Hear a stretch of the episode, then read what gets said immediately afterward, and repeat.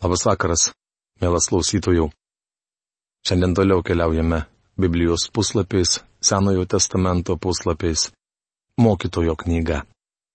Praėjusioje laidoje pradėjome penktojo skyriaus apžvalgą ir apžvelgiam pastraipą, kuri prasidėjo ketvirtos skyriaus septynioliktą eilutę ir baigėsi penktos skyriaus aštuntą. Mes ją išnagrinėjome, tai mokytojas ieško pasitenkinimo religijoje. Šiandien keliausime toliau. Prieš pradėdami apžvalgą paprašykime Dievo pagalbos.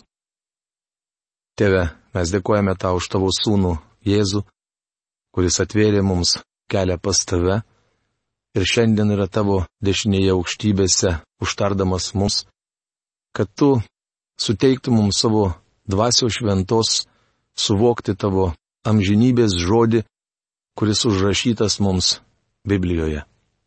Dėkojame tau, Dieve, kad galime žinoti, jog jokia šventojo rašto pranašystė nėra savavališko aiškinimo dalykas ir ne žmogaus valia atėjusi. Bet tavo šventosios dvasios pakinti ją užrašė tavo šventi žmonės. Mes dėkojame tau, kad tu kiekvieną tikintįjį paženklini tąją dvasę ir dėl tos priežasties leidi ateiti ir pasisemti iš tavo išminties lobino, taip reikalinga mums kasdienė išminti.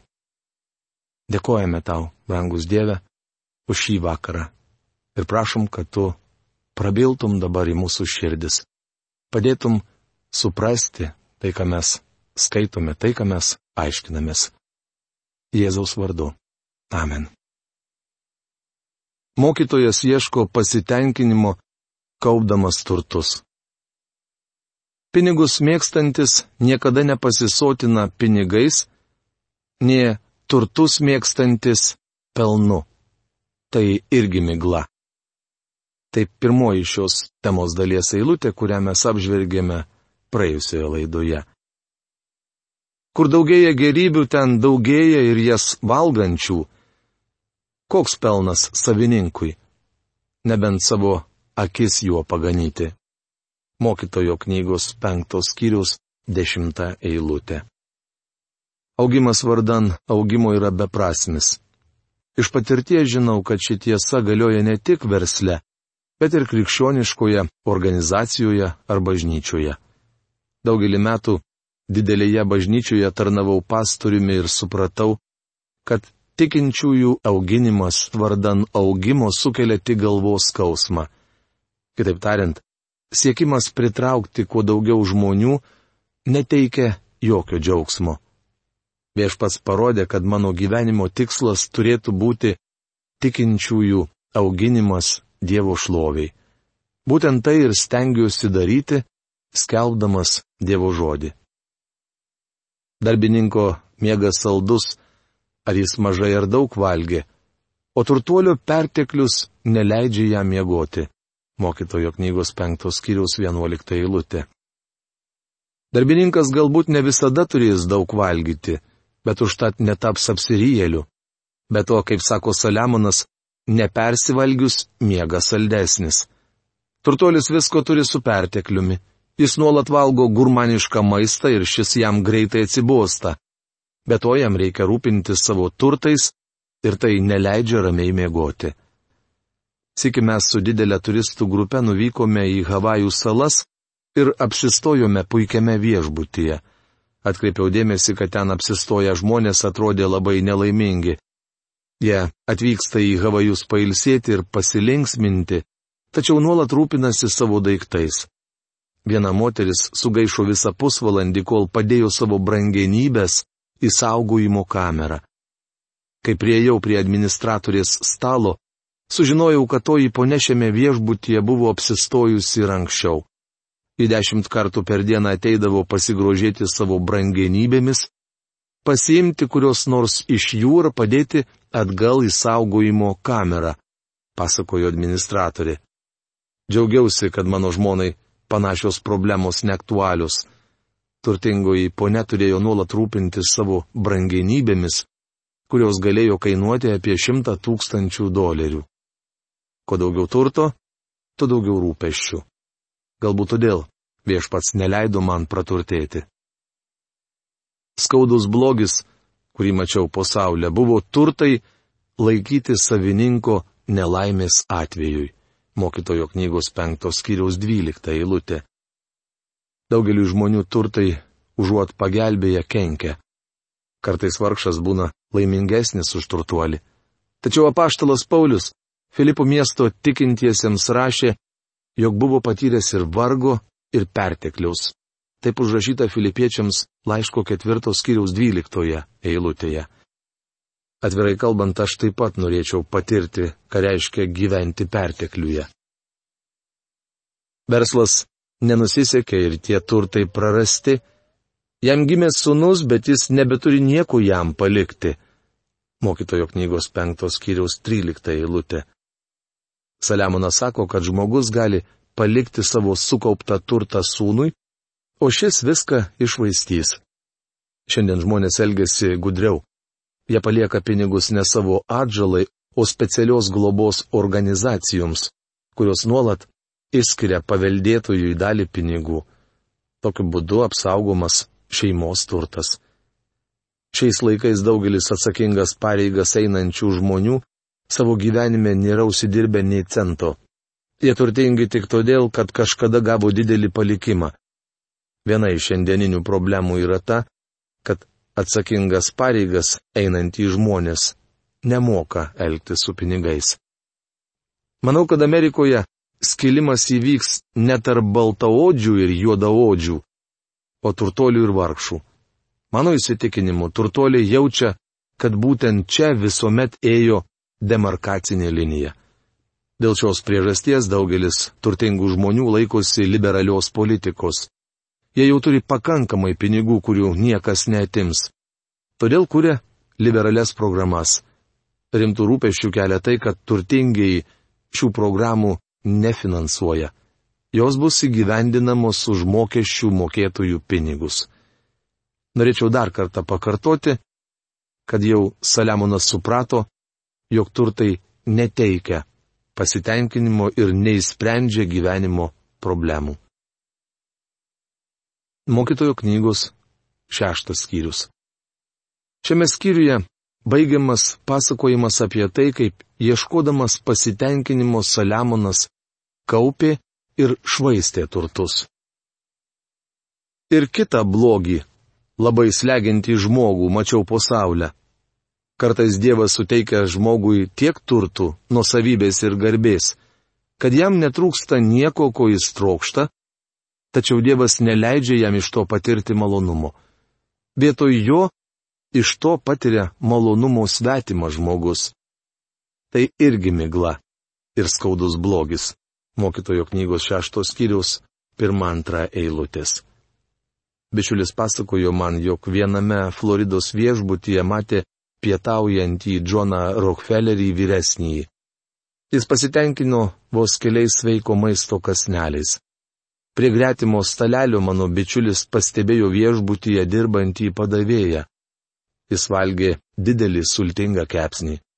Nors Džonas Rockefelleris galėjo kasdien pirkti kepsnius, tačiau negalėjo jų valgyti.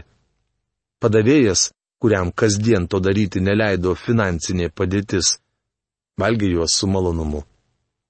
Taigi geriau turėti gerą apetitą, negu didelę sąskaitą banke. Net jeigu žmogui gimtų šimtas vaikų ir jis gyventų daug metų, sulauktų senyvo amžiaus, bet pats savo turtais iki sotės nepasinaudotų, man atrodo, kad negyvas gimęs kūdikis būtų už jį laimingesnis. Mokytojo knygos šeštos skyriaus trečia eilutė. Turtuolis negali valgyti dažniau negu tris kartus per dieną ar miegoti iš karto keliose lovose. Bet to nesvarbu, kiek gydytojų tokį žmogų prižiūri. Jis negyvens ilgiau už neturtingąjį. Akivaizdu, kad palikdamas šį pasaulį, turtingas žmogus nieko neišsineš, nes įkapėse nėra kišenių. Jobas nestokojo turtų, Tačiau jis sakė, jog kaip ateidamas į šį pasaulį nieko neatsinešė, taip išeidamas nieko neišsineš. Beprasmiška visą gyvenimą siekti to, kas nesuteikia džiaugsmo ir neturi verties amžinybėje. Man gaila tų žmonių, kurie savo gyvenimą paleidžia vėjais. Mokytojo knygos septintas skyrius. Septintame šios knygos skyriuje aprašomas paskutinis Saliamono eksperimentas. Šis vyras ištyrė viską, nes norėjo sužinoti, ar po saulė kas nors galėtų suteikti gyvenimui džiaugsmo ir pasitenkinimo. Jau minėjau, kad Saliamonas išbandė mokslą ir išstudijavo visatos gamtos dėsnius. Tai davė jam šiokios tokios naudos, tačiau nesuteikė pasitenkinimo. Tuomet jis ėmė domėtis filosofija ir psichologija, tačiau ir tai darydamas nerado pasitenkinimo. Solemonas buvo iki kaklo pasinėręs į malonumus ir gyveno šią akimirką. Jis išmėgino fatalizmo filosofiją, kuri beje šiais laikais labai populiari. Jau minėjau, kad karalius išbandė egoizmą, savanaudiškumą bei savimeilę. Dar vėliau šis vyras išbandė religiją, tačiau ir ten nerado džiaugsmo. Norėčiau dar kartą pakartoti, kad jokia religija nesuteiks širdžiai pasitenkinimo, nes tai gali padaryti tik Kristus. Galų gale Saliamonas išbandė turtus. Jis buvo turtingiausias žmogus pasaulyje, tačiau patyrė, jog turtas, kaip ir visi kiti išbandyti dalykai, negali suteikti džiaugsmo. Galų gale Saliamonas nutarė išbandyti moralę.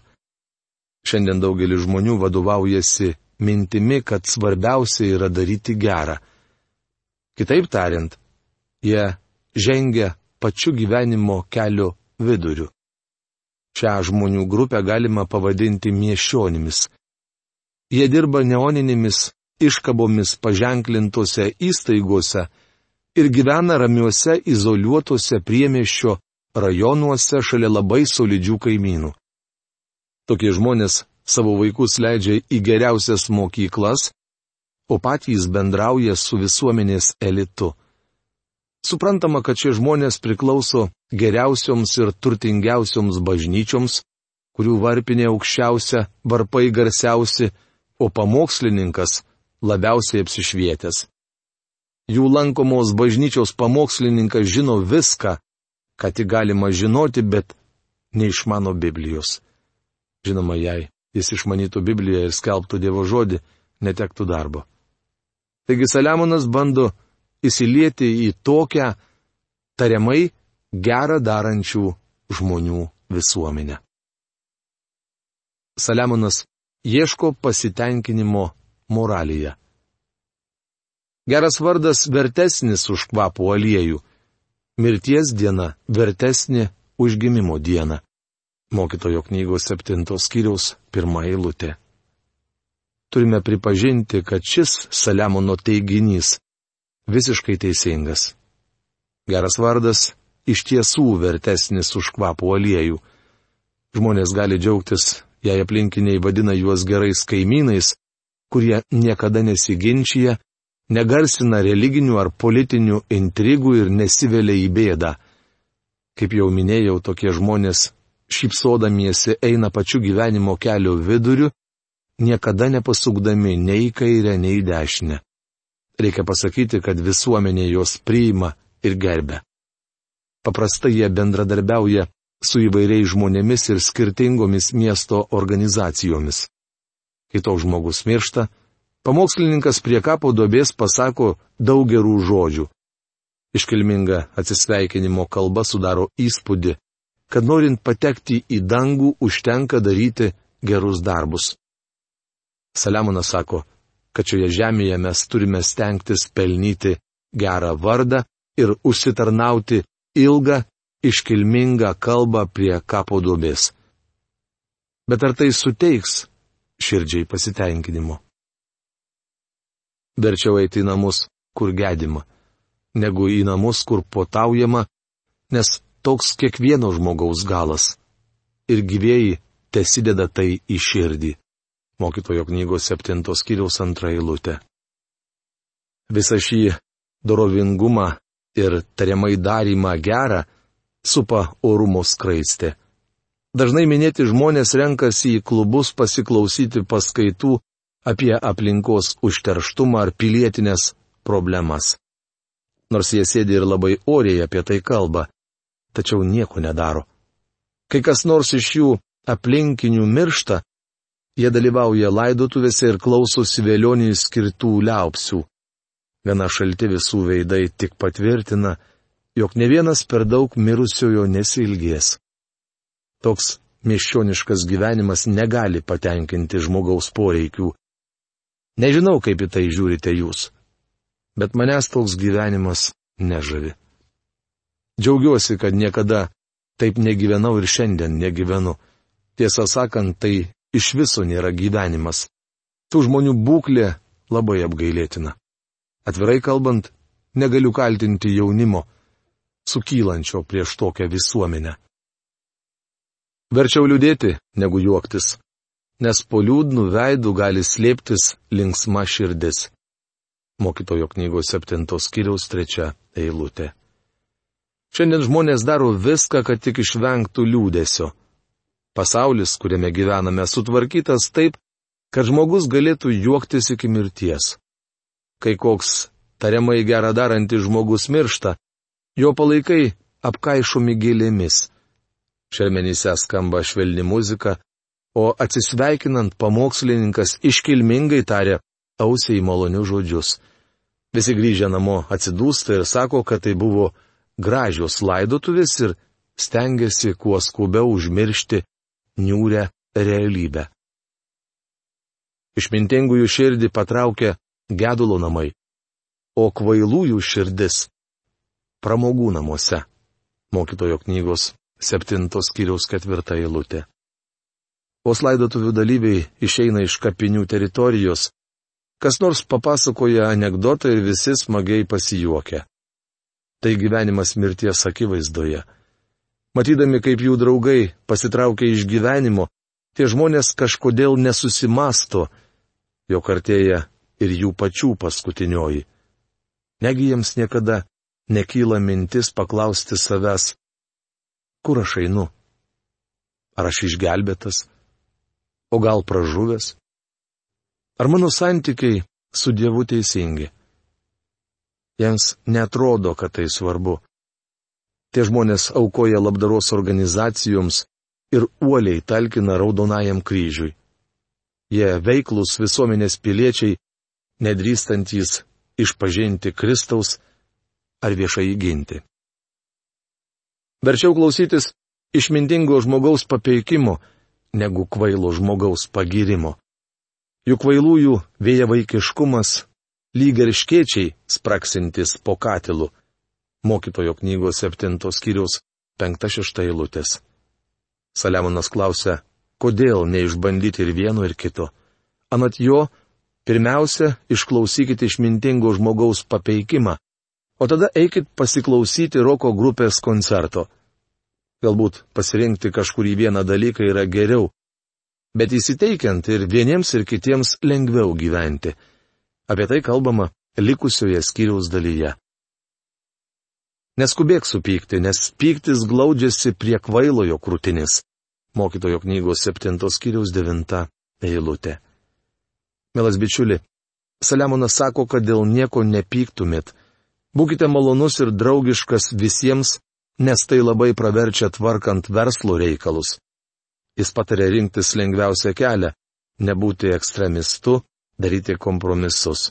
Anot Saliamono vieną vakarą turėtumėt stengtis įsiteikti vieniems, kitą vakarą kitiems. Matote, tariamai gerą darantis žmogus, apie kurį kalbama šiame skyriuje. Šeštadienio vakarą lėbauja, o sekmadienio rytą dedasi krikščionių. Kartą sekmadienio rytą sutikau vyrą, kuris šeštadienio vakarą buvo girtas kaip pėdas. Jis man sakė, noriu, kad žinotumėte, jog aš krikščionis. Negi laikote mane pagoniu. Liūdna pripažinti, bet jis buvo pagonis. Išmintis taip pat vertinga kaip vertingas paveldas ir naudinga tiems, kurie mėgaujasi Saulę. Mokytojo knygos 7 skyriaus 11 eilutė. Nagrinėdami patarlių knygą minėjome, kad išmintis yra kitas Kristaus vardas. Kristus mums yra tapęs išmintimi. Nebejokite, kad tiems tariamai gerą darantiems žmonėms reikalingas Kristus. Juk išminties teikiama ūksmė kaip pinigų ūksmė, o išmanimo nauda tokia. Išmintis jos turinčiam teikia gyvastį. Mokytojo knygos 7 skyriaus 12 eilutė. Kiekvienas tariamai gerą darantis žmogus nori turėti krūvą pinigų, bet nenori Kristaus. Saliamonas sako, kad išmintis jos turinčiam teikia gyvasti. Mielas bičiuli, gyvasties nenusipirksite už pinigus. Galbūt medicinos mokslas keliariems metams pailgins jūsų gyvenimą, tačiau nesuteiks amžinojo gyvenimo po mirties. Tai gali padaryti tik išmintis, tai yra Kristus. Pagaliau nekreip dėmesio į visą, ką žmonės kalba, kad neišgirstum savo vergo tave keikiant. Mokytojo knygos 7 skyrius 21 eilutė. Saliamonas patarė neimti į galvą, jei koks nors geras pažįstamas vadina jūs sukčiumi. Anot jo, ženkite kelių viduriu ir po kurio laiko tapsite visuomeniai priimtinas. Bičiuli, noriu pabrėžti, kad pasitenkinimo ieškojimas formuojant tariamai gerą darančio įvaizdį yra negyvenimas, o vegetavimas. Deja, būtent tokį gyvenimo stilių renkasi dauguma mūsų ir ne vien mūsų šalies piliečių. Šeštadienio vakarą jie eina stebėti parodijų programas, o sekmadienio rytą skuba į bažnyčią. Tai didžiausia veidmainystė. Nieko keisto, kad jaunimas maištauja prieš tokį gyvenimo būdą. Aš turėjau privilegiją patarnauti jauniems žmonėms ir dalis jų atsigrėžė į Kristų. Anot jų pačių, Visa kita jie jau buvo išbandę. Kyla klausimas, kodėl jauni žmonės neranda Kristaus namuose, jei jų tėvai yra bažnyčios nariai. Jaunimas mato, kad jų namuose ir bažnyčiose kažko stinga. Jie mato dorovingų, tariamai gerą darančių krikščionių gyvenimo tuštybę ir veidmainystę. Mano įsitikinimu, lengviau laimėti Kristui bedievi ateistą, negu veidmainį bažnyčios lankytoją. Bedėvis ateistas pirmą kartą išgirdęs Evangeliją gali priimti ją. O veidmainis bažnyčios lankytojas yra girdėjęs Evangeliją šimtus kartų ir jo širdis užkėtėjusi. Tai irgi tragedija. Mielas klausytojų, sugrįždamas truputį į ankstesnę teksto dalį noriu palikti jums tą klausimą. Negi jums nekyla mintis paklausti savęs, kur aš einu? Ar aš išgelbėtas, o gal pražuvęs? Ar mano santykiai su Dievu teisingi? Jeigu jums netrodo, kad tai svarbu, palikite tai, nesirūpinkite. Bet žinokite, kad vieną dieną jūs šituo žodžiu būsite teisiami. Bet jeigu šis žodis nedoda jums ramybės, tai nusigręžkite nuo viso to, kas šiandien jūs kankina ir neramina ir atsisukite į Kristų. Meskite visus tuos rūpeščius ant jo, patikėkite jam savo gyvenimą. Ir jūs pamatysite ir suprasite, pajusite, sužinosite, ką reiškia būti iš tikrųjų laimingam. Ką reiškia turėti ramybę savo širdyje. Rašte yra žodžiai, kuriuos pasakė mūsų viešpats. Aš suteiksiu tobulą ramybę tiems, kurie manimi pasitikė. Štai šitos ramybės reikia kiekvienam iš mūsų. Iki greito sustikimo. Sudė.